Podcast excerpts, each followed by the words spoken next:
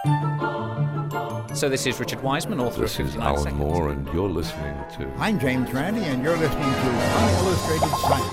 Så du, du leker jo Nei, du leker ikke Gud. Kan eh, kurere kreft om fem år. For meg så er vel det her like nyttig som homøopati.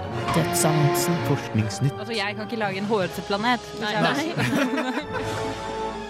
Uillustrert vitenskap.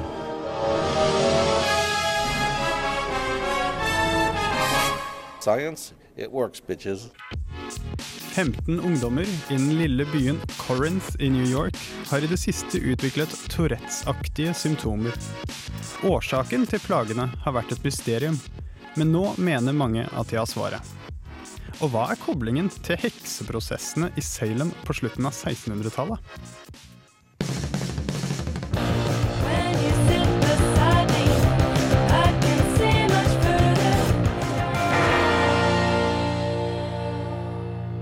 Du lytter til uillustrert vitenskap på Radio Revolt, der du nettopp fikk høre La Sera, Please Be My Third Eye.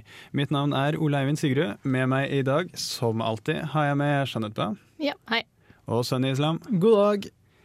Vi eh, skal ta opp veldig mye spennende i dagens sending. Blant annet så skal du Jeanette, snakke om eh, elefanter i Australia og slanger i Florida. Ja, det, det, er, det er masse nyheter om eh, problematikken rundt å ha for mye av én art. Og så er det veldig masse fiffige løsninger på det. Jeg gleder meg. Og du Sunny, du skal ha om dop. Uh, ja, jeg er så veldig glad i dop. Ikke bruke det, men snakke om det iallfall. Jaha. Du lot deg inspirere av en quiz? Ja, jeg lot meg faktisk inspirere av tirsdagsquizen fordi at svaret deres var feil. Så Hvilket, hvilket svar var feil? Kan du si det? Eh, Nei, jeg husker ikke det akkurat nå. Jeg tror det var et eller annet om ecstasy, og den egentlige grunnen til at uh, man lagde det første ecstasy-tabletten. Og da var grunnen egentlig at den skulle stoppe blødninger, men de påstod at det var noe annet. Men jeg var uh, hos min kjære Wikipedia, den frie encyklopedi, og fikk riktig svar der da. Ja. Men først eh, skal vi til Corinth i New York, eh, der det skjer mye merkelig. På veien får vi dog høre om noen molekyler med rare navn. Men aller først skal vi høre Azealia Banks med 212. Hey, I can be the answer. I'm ready to dance when the vamp up. And when I hit that dip, get your camera. You can see you in that bitch, shit's the camper. In the digging that young sister beacon. The bitch who wants it. Mine, mine. The ship been mine, mine. The ship been mine, mine. Uillustrert vitenskap presenterer molekyler med rare navn.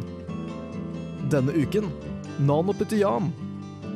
Du, kjære lytter, som elsker uillustrert overalt på jord, har sikkert kjennskap til Ig Nobel. Prisutdelingen som hedrer forskning som verken kan eller bør bli reprodusert.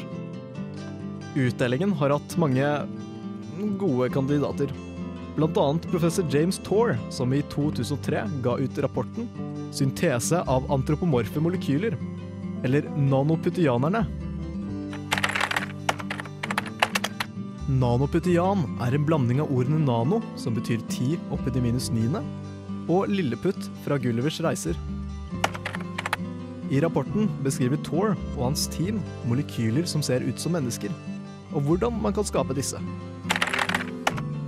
Blant disse nanopytianerne finner vi nanoballettdanseren, nanopytianpolymeren og ikke minst det nanopytianske paret. Men bortsett fra å være menneskelignende, innehar ikke molekylene noen andre spesielle egenskaper.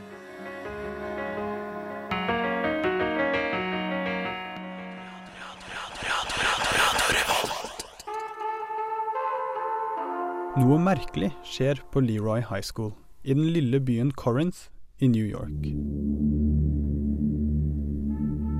Og det hele startet med Laurie. Hi everyone. my name's Lori, and this is my first video. Last August, I had passed out at a concert. I was headbanging, and I thought, you know, I was just dehydrated and all that. Well, time goes on, and about a month after, I pass out again at the homecoming dance. That's awesome, right? Well, after the homecoming dance, the passing out got closer and closer together till almost it happens every day now. Etter hvert utviklet hun flere symptomer. Ufrivillige rykninger, klapping og plutselige utbrudd. Hei, hei, hei. På julaften fikk hun diagnosen Tourettes syndrom. Siden Laurie begynte å få plagene, har 14 andre ungdommer i området begynt å utvise de samme symptomene. De fleste av dem er elever ved Leroy High School. Årsaken bak tilfellene er foreløpig usikker. Miljøgifter ble tidlig mistenkt, men to forskjellige undersøkelser nådde begge konklusjonen at det ikke fantes noen spor av farlige stoffer på skolens område.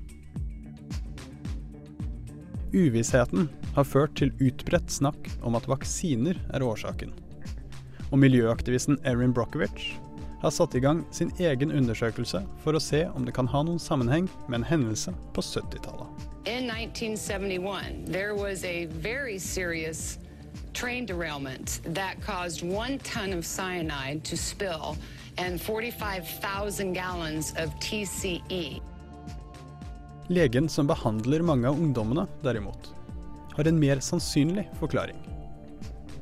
Ungdommene lider av MPI, Mass Psychogenic Illness. Konversjonslidelser, eller på godt norsk massehysteri. Forklaringen passer svært godt. Symptomer som Lauries Tourettes-aktige utbrudd, kvalme, svimmelhet og kramper er typiske. Symptomene begynner hos en eller et par personer, og sprer seg deretter til flere etter hvert som de får høre om tilfellene. Hovedsakelig personer i samme område. Og alltid er de utsatte i hovedgrad kvinner. Av de i alt 15 ungdommene i Corinth er kun én gutt. Det er uh, altså et tilfelle av massehysteri uh, i Corinth i New York. Eh, Men uh, det ordet er ikke helt greit å bruke, for vi, vi har jo dessverre en lang tradisjon der leger har bortforklart kvinners reelle helseproblemer som hysteri. Det var veldig utbredt før i tiden. Derfor snakker man ikke om at disse ungdommene er hysteriske. Men, men du eh, sa at det var konversjonslidelser. Eh, Var det, er, det, er det herming? Nei, eh, det er pasienter som viser nevrologiske symptomer der ingen nevrologisk forklaring er mulig. Og da når det sprer seg, slik som her, eh, så kalles det mass psychogenic illness, eh, som går inn i samlebetegnelsen massehysteri, men eh, MPI er da spesifikt når det er snakk om sykdomssymptomer. Men det er veldig vanskelig å diagnosere, da. Først fordi det er litt sånn uenighet om hva det er osv., men eh, du må jo ekskludere nevrologisk sykdom. Og så må du også ekskludere bevisst juks fra pasientens side. Eh, fordi det skjer. Men, eh, men det, Eh, det må Juks utelukkes. altså sånn at man eh, later som at man har det? Ja. Ja, men Hva slags motivasjoner har folk for å late som de er syke? Nei, eh, visse rettssaker og sånn, så kan det være gunstig, f.eks. Men uh, i dette tilfellet så er det jo ingen grunn til å tro uh, det, og det har jo da tydeligvis blitt, uh, blitt ekskludert. Og så må i tillegg etablere en psykologisk mekanisme, og det er jo ganske vrient. Men hvorfor er det Du sa at det var jenter. Det var eh, 14 jenter og én gutt som hadde fått det her. Det, vet de hvorfor det er jenter som får det? Nei, eh, det, det, det vet man eh, faktisk ikke så veldig mye om. Det har jo vært veldig mye spekulasjoner, bl.a. om at eh, stress, kjedsom, kjedsomhet og bekymring om barn eh, kan eh, være plager som rammer kvinner oftere enn menn. Platon hadde en eh, fin forklaring. Han mente at det var livmoren som forårsaket hysteri, og at eh, når pusteproblemer og sånt forekom, så var det livmoren som kvalte kvinnen. Og hysteri på gresk betyr faktisk livmor. Du lider av livmor. Du lider av livmor. Ja. Du også, Jeanette. Ja.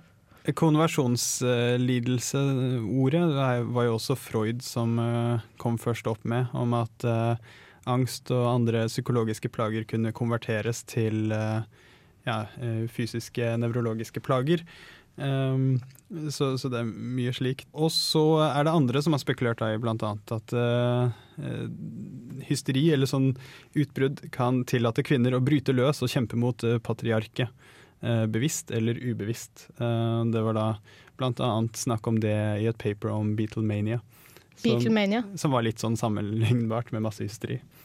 Ja, men du, i, i, i introen i dag så har du lovt bort eh, snakk om heks, hekse, hekseprosess. Ja, Hvordan, det, har det her noe med det å gjøre? Det tviler jeg på. Nei, det er faktisk en kobling, fordi hekseprosessene i Salem, Salem er et klassisk tilfelle av eh, massehysteri. hysteri. Eh, Det begynte med to jenter som fikk eh, anfall, skrekk, kaste ting rundt omkring og kom med rare lyder. Det ble henholdsvis datteren og niesen til en pastor i området. Årsaken måtte jo da være hekser, og Ja. Eh, og eh, det er jo fortsatt utbredt i en del land. Men i Vesten er det mer vanlig å skylde på forurensning, stråling, kjemikalier osv. Så sånn som i Corinth, New York. Men Klassisk Salem, altså, er, eh, ja, klassisk uh, massehysteri. Vi skal snakke mer om massehysteri, men først er det Hush Hush Pony med Baboo.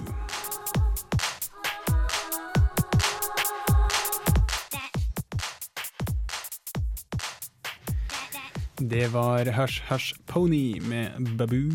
Vi skal eh, nå snakke litt om noen eh, dokumenterte massehysterier opp igjennom tidene. Og eh, et veldig godt eksempel på en sånn klassisk massehysteri var i 1998, eh, der en lærer i Tennessee merket en gassaktig lukt. Skolen ble evakuert, men eh, lærerens symptomer de spredte seg til mer enn 180 elever og lærere. Viste seg at gassen bare var promp. Eh, nei, det ble ikke vist. Eh, symptomene var hodepine, kvalme og oppkast. Skolen stengt, ble stengt i to uker, og 100 000 dollar ble brukt på nødhjelp. Eh, og så viste det seg at det var ikke noe gass på skolen. eh, og eh, de symptomene ble knyttet da til kvinnelig kjønn, og har sett en annen som var syk, og det å vite at en medelev var syk. Så det spredte seg rett og slett fordi folk la merke til at andre ble syke. Da ble de det også. Så du føler du burde være syk, så da blir du syk? Ja, noe sånt. Det var lurt. Så var det den kjente jordbær med sukkerviruset i Portugal i 2006. Oppkalt etter en populær TV-serie for barn med samme navn. Eh, Der var det en episode der hovedkarakterene eh, ble syke av jordbærsukkerviruset. Eh, Og så plutselig ble barn eh, i barneskolealder rundt omkring i Portugal ble syke med akkurat de samme symptomene. Samtidig som showet gikk. Nei, altså i etterkant av den episoden ble vist. Så kult. Eller skummelt og kult samtidig. Hvordan fiksa de det? Nei, eh, det vet jeg faktisk ikke. Men eh, sånn historisk sett så har det jo vært mange forskjellige kurer på hysteri. Eh, Blant annet så var det jo en stund snakk om at underlivsmassasje var den beste måten å kurere hysteri på. Og så etter hvert så var det noen leger som ikke syntes det var noe gøy å drive underlivsmassasje på pasientene sine, så de utviklet mekaniske varianter, og så fikk man en vibrator. Visste dere at eh, den elektriske vibratoren kom på markedet ni år før den elektriske støvsugeren? Kjempebra. Ikke dårlig. Fun fact. Og før i tiden, eh, andre måter man kunne kurere hysteri med, med, var å kurere det med sex om du var gift, og om du var singel, så kunne du kurere det med ekteskap. Smart. Hett tips hvis noen opplever noen som blir hysteriske. Så fort du har gift deg. Den eh, siste og kanskje artigste uh, massehysteriet jeg eh, skal nevne i dag, eh, var latterepidemien i eh, Tanganyika. Eh, Men det er ikke latter, bare positivt. Det er ålreit. Ja, jeg liker å le. Jo, men det her gikk litt sånn over alle, over alle Ja. Eh, Det, det skjedde i 1962 på en misjonærdrevet jenteskole i Tanzania. Typisk misjonærer. Startet med tre jenter. De begynte å le. De begynte tydeligvis å le ganske hardt. Det spredte seg til 95 av 159 elever ved skolen. Latterkrampene de eh, varte alt fra et par timer til 16 dager hos de det gjaldt. Eh, Skolen måtte stenge litt over en måned etter det startet. Eh, Det spredte seg deretter til en landsby der mange av jentene kom fra. Der ble 217 personer eh, smittet av latterkrampene. Eh, og så åpnet skolen seg opp igjen, og så måtte den stenge igjen fordi det skjedde igjen. Og så spredde det seg til noen andre landsbyer og et par gutteskoler i nærheten. It Gutteskoler. Ja. Trodde dette bare var noe som påvirket kvinner. Ja, der, eh, det, det skjer med gutter innimellom også, Ja. men det er eh, no laughing matter.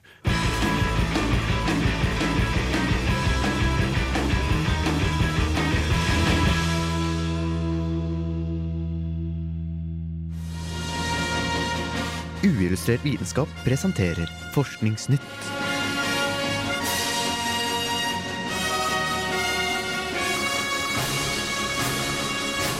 Forskningsnytt. Pytonslanger viser seg å endre økosystemet i Everglades i Florida. Noe som kommer av at de rett og slett spiser for mye. Slangen det er snakk om, burmesisk pyton, kan bli 3-5 meter lang. Og så å si alle de 30 000 av de som bor i Sør-Florida, er født i Everglades. Økologer rapporterer nå om at pattedyrbestanden i området synker ettersom pytonpopulasjonen øker. Nedgangen matcher med den geografiske spredningen av pytonen, som trolig ble sluppet ut i naturen der for mellom 15 og 30 år siden av folk som liker slanger. Vaskebjørner, hjort, fugler og alligatorer blir til stadighet funnet i magen til disse slangene. Men man har ikke før nå visst at slangene endrer på selve økosystemet. Hos noen av pattedyrene har bestanden sunket med hele 90% Så import og frakt av burmesisk pyton over de amerikanske grensene er nå forbudt. Og forskere arbeider nå med å finne ut hvordan man kan begrense spredningen, og bedre forstå de truede artene.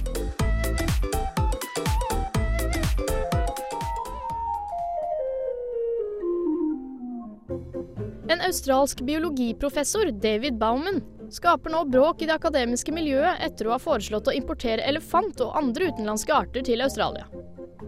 Noen av de andre foreslåtte artene er nesehorn og komodovaraner. Han sier at Australia ikke klarer å takle sine mest presserende økologiske problemer, og at et drastisk tiltak er nødvendig. Mange forskere mener at dette er farlig og galskap, mens andre er enige og mener at dette kan være med å hjelpe vanskeligstilte aboriginske samfunn, samt hindre skogbranner. Et av problemene Bauman prøver å fikse, er de store biologiske endringene menneskene tok med seg da de kom til Australia. Dette inkluderer ødeleggelsen av den australske megafaunaen, med pungløver, gigantiske fugler og krokodiller som var større enn noen av de vi finner nå. Han ønsker også å bli kvitt det opptil fire meter høye gambagresset, som øker skogbrannfaren og er for høyt til å bli spist av dagens australske arter.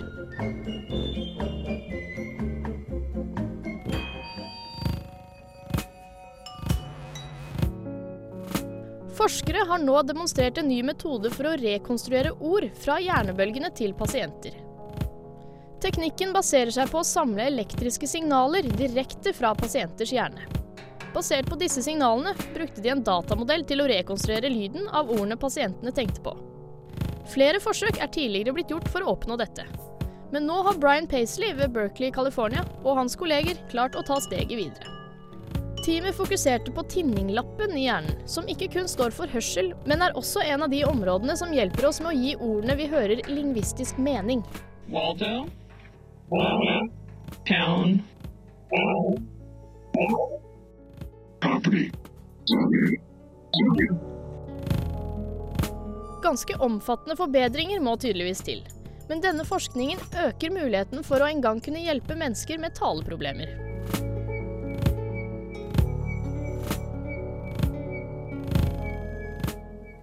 Jeanette ga oss eh, forskningsnytt for uke fem der. Ja. Blant annet eh, om noen slanger i The Everglades. Og hvilke pattedyr var det det gikk utover? Eh, ja, eh, jeg kan først fortelle hvordan de sjekka det, fordi jeg var litt overraska. Men de bare kjører veldig mye bil uh, langs uh, hovedveien, og så teller de hvor mange dyr de ser langs veien. Og, på 90, og så sammenligner de det tallet med, med tall som, er, som de fant på, på eh, 90-tallet. Eh, ja. Men sånn, helt ærlig, hvem er det som har pytonslanger som kjæledyr? Det er jo de som slipper de ut rett etterpå. Det er, det, er jo, det er ikke veldig populært, for de vil jo heller ha de der. Men ja, det var eh, altså 98 færre vaskebjørner å se, samt pungrotte. Hm. Men det, det syns jeg ikke er så veldig negativt. Eh, Er det, det er mer sånn roadkill-materiale. Og så graver de søpla og sprer ting. Men det er også 94% mindre hjort og gaupe. Eller den, eh, den eh, amerikanske varianten av gaupe. Da. Bobcat. Bobcat.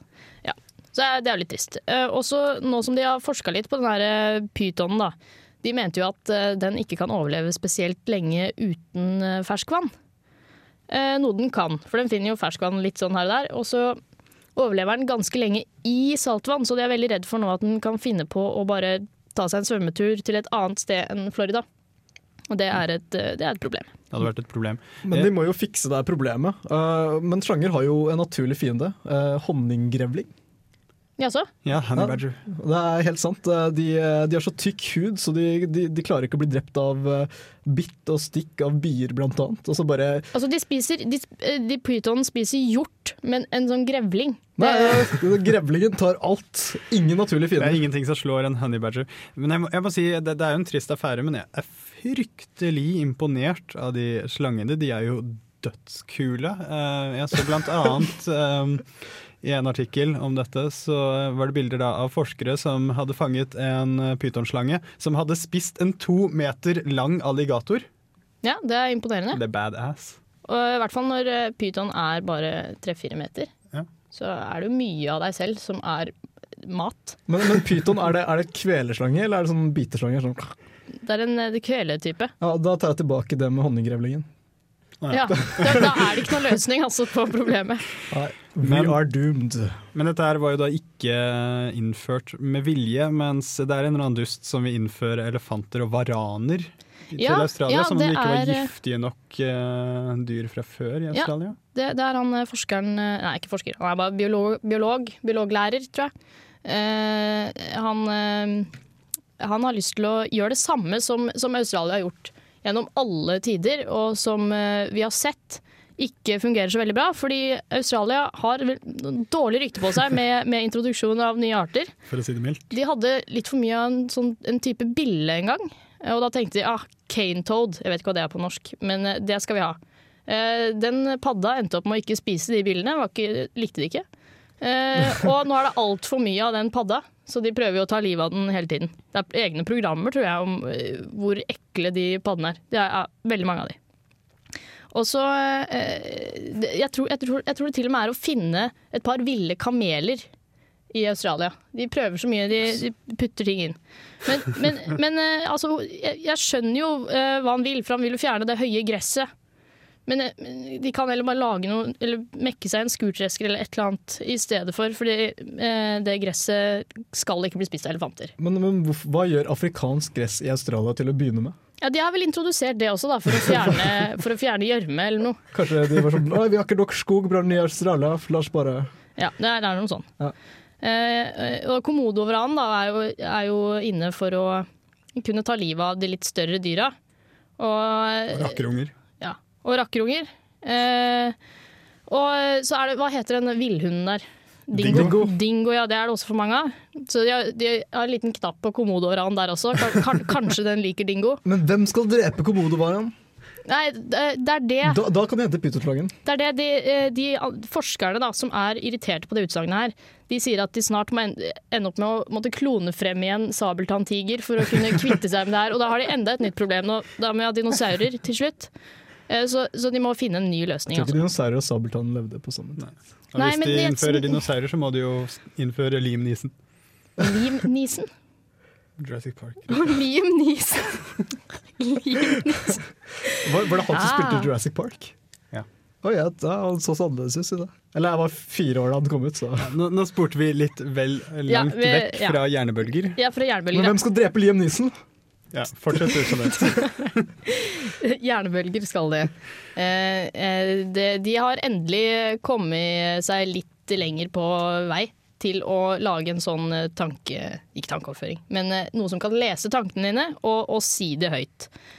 Og det her skal da hjelpe først og fremst folk med taleproblemer, som, som vet veldig godt hva de har tenkt til å si. Det bare går ikke.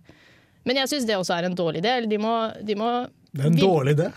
ja, men de må, gjøre, ja, men de må gjøre den der devicen her veldig intelligent. Fordi hvis du skumper borti noen på gata, sånn, så kommer du til å gå og rope alt du føler. Ja, men jeg tror du, du, Snakke høyt i forelesning. men du slår jo på den sjæl. Altså, du, du slår den av når du ikke trenger den. Ja, ja, men jeg, ja, men tenk om du glemmer det. det. Det er jo katastrofalt. Du kan jo ikke, du kan jo ikke være politiker og sånn. Altså, Det er Ja, vanskelig. eller være på intervju med Lone Frank og Oi, du er skikkelig fin. Ja, ja. Eh, Men det studiet her er altså basert på noe For det er ikke, så, det er ikke helt banebrytende teknologi der, fordi eh, allerede Eller i fjor, i fjor så var det et studie som de fikk til at eh, hjernebølger flytta på musepeker. det fikk til i fjor. Så det er veldig basert på det studiet. Det er den videreført. Stemmen var jo ikke akkurat sånn fryktelig Den var litt jævlig. Imponerende, men det er en veldig kul teknologi. Men den stemmen den kunne jo passet godt i en horrorfilm, Eh, så vi spiller Scarlett Chives med The Horror.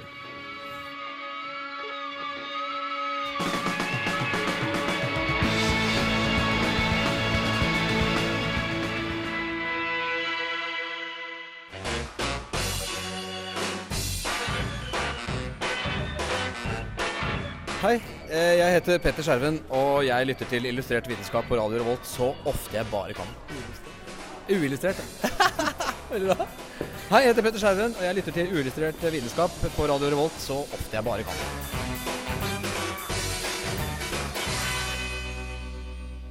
Ja, og eh, du Sunny, du, eh, du skulle ha om dop i dag? Nei, Egentlig kulddøden. Nei, jeg skulle ikke ha om kulddøden. Jeg skal ha om mitt eh, favorittemne dop, som vi alle er så glad i. Og maestro, kan jeg få litt musikk? I dagens ulyst... Nei da. Mennesket er en ynkelig, patetisk rase som lar seg kue av illegale rusmidler. Dette er en frase man ofte hører fra folk på gata.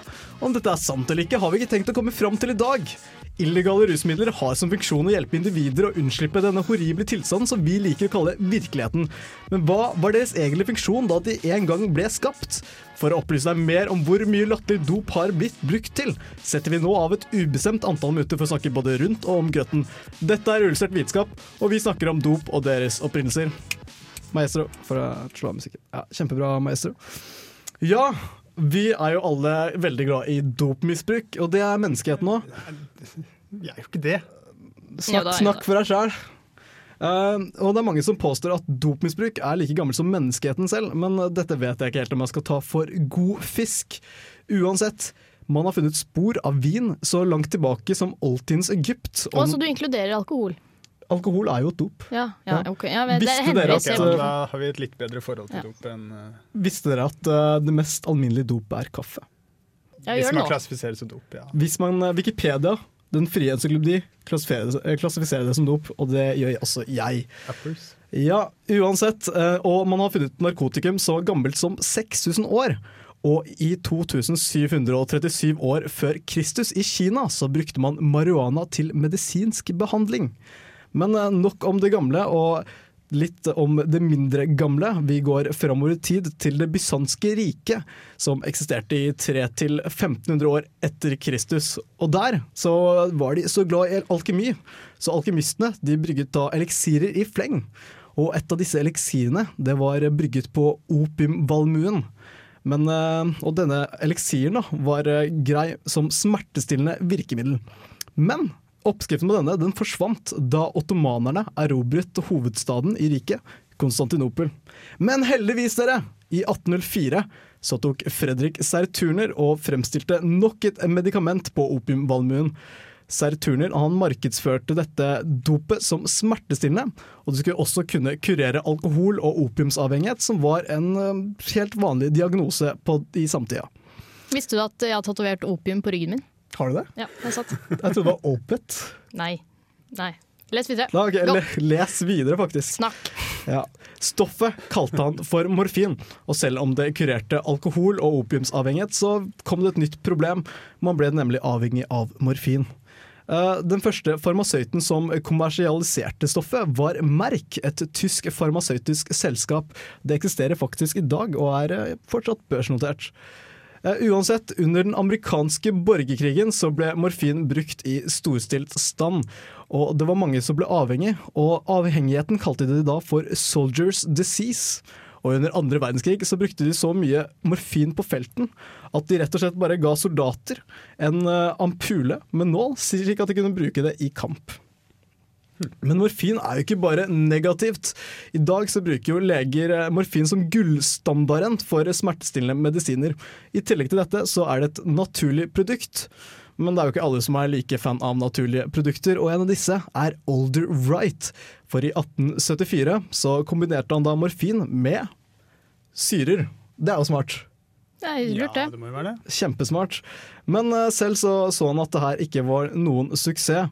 23 år senere så var det nok et tysk selskap, da med navn Bayer, det eksisterer også i dag, som eh, tok opp oppskriften.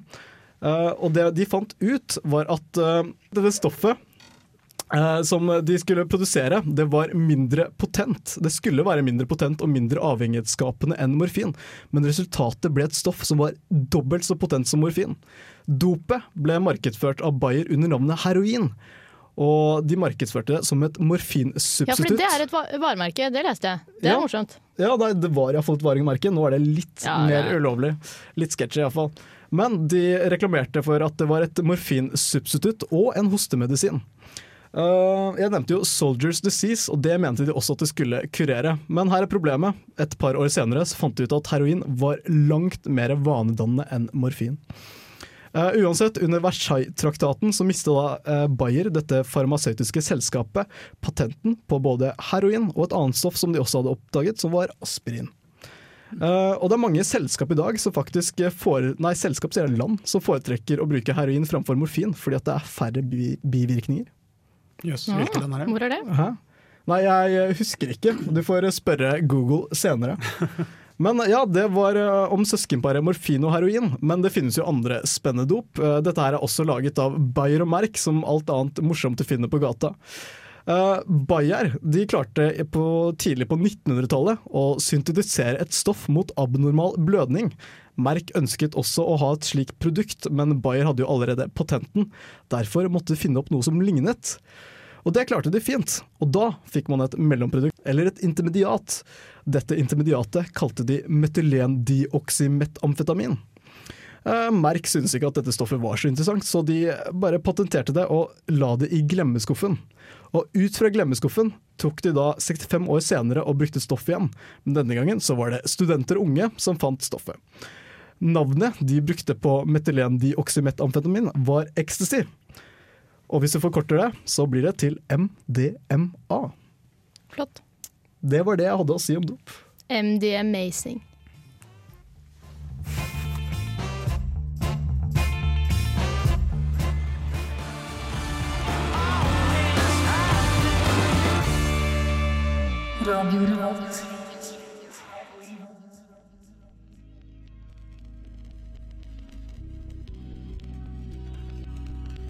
Skapelsens søyler er gigantiske søyler med interstellar materie. Søylene er en del av en stjernetåke, eller nebula på engelsk, og ble oppdaget av Hubble-teleskopet. Stjernetåken er like storslagen som den er vakker. Den lengste av søylene er faktisk fire lysår lang. Trist er det at søylene ikke lenger eksisterer. I 2007 meldte astronomer at de var blitt ødelagt for 6000 år siden av en sjokkbølge fra en nærliggende supernova. Dette kan ikke vi på jorda vitne til enda, grunnet at tåken ligger 7000 lysår fra jorda. Så lyset fra ødeleggelsen vil ikke nå oss før neste millennium. Det vi derimot kan se, er sjokkbølgen som sakte, men sikkert nærmer seg skapelsens søyler.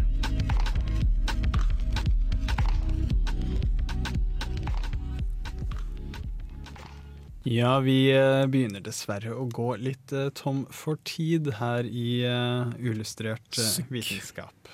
Vi gjør det hver gang. Ikke, for, ikke fortvil, altså. Det er masse som kommer på, på denne kanalen etter hvert. Ja. Eh, fordi Live de spiller jo nå etter oss og ikke før oss. eh, og eh, de skal spille en haug med konsertopptak som de har gjort selv. Det er fra- Storsalen spesial, ja, tror jeg de kalte det. Storsalen spesial fra konserthøydepunkter som har vært. Neste uke skal de spille fra Trygdekontoret. Og så skal de også snakke om kommende konserthøydepunkter. Så sitt på frekvensen, hør på live. De spiller artig musikk. Mitt navn er Ole Eivind Sigrud. Med meg har jeg hatt Jeanette Bø og eh, Sunny Islam og vår tekniker Rune Stana. Ha det godt. Ha det bra.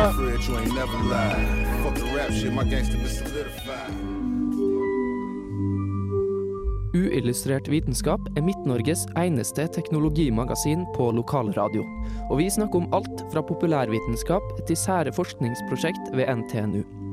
Radio Revolt, studentradioen i Trondheim, er stolt av å kunne presentere podkaster fra de aller mest populære programmene våre. Hvis du har lyst til å høre mer fra Radio Revolt, hvem vi er og hva slags musikk vi spiller, så kan du høre oss på FM-båndet i Trondheimsregionen, eller streame sendingene våre live på radiorevolt.no.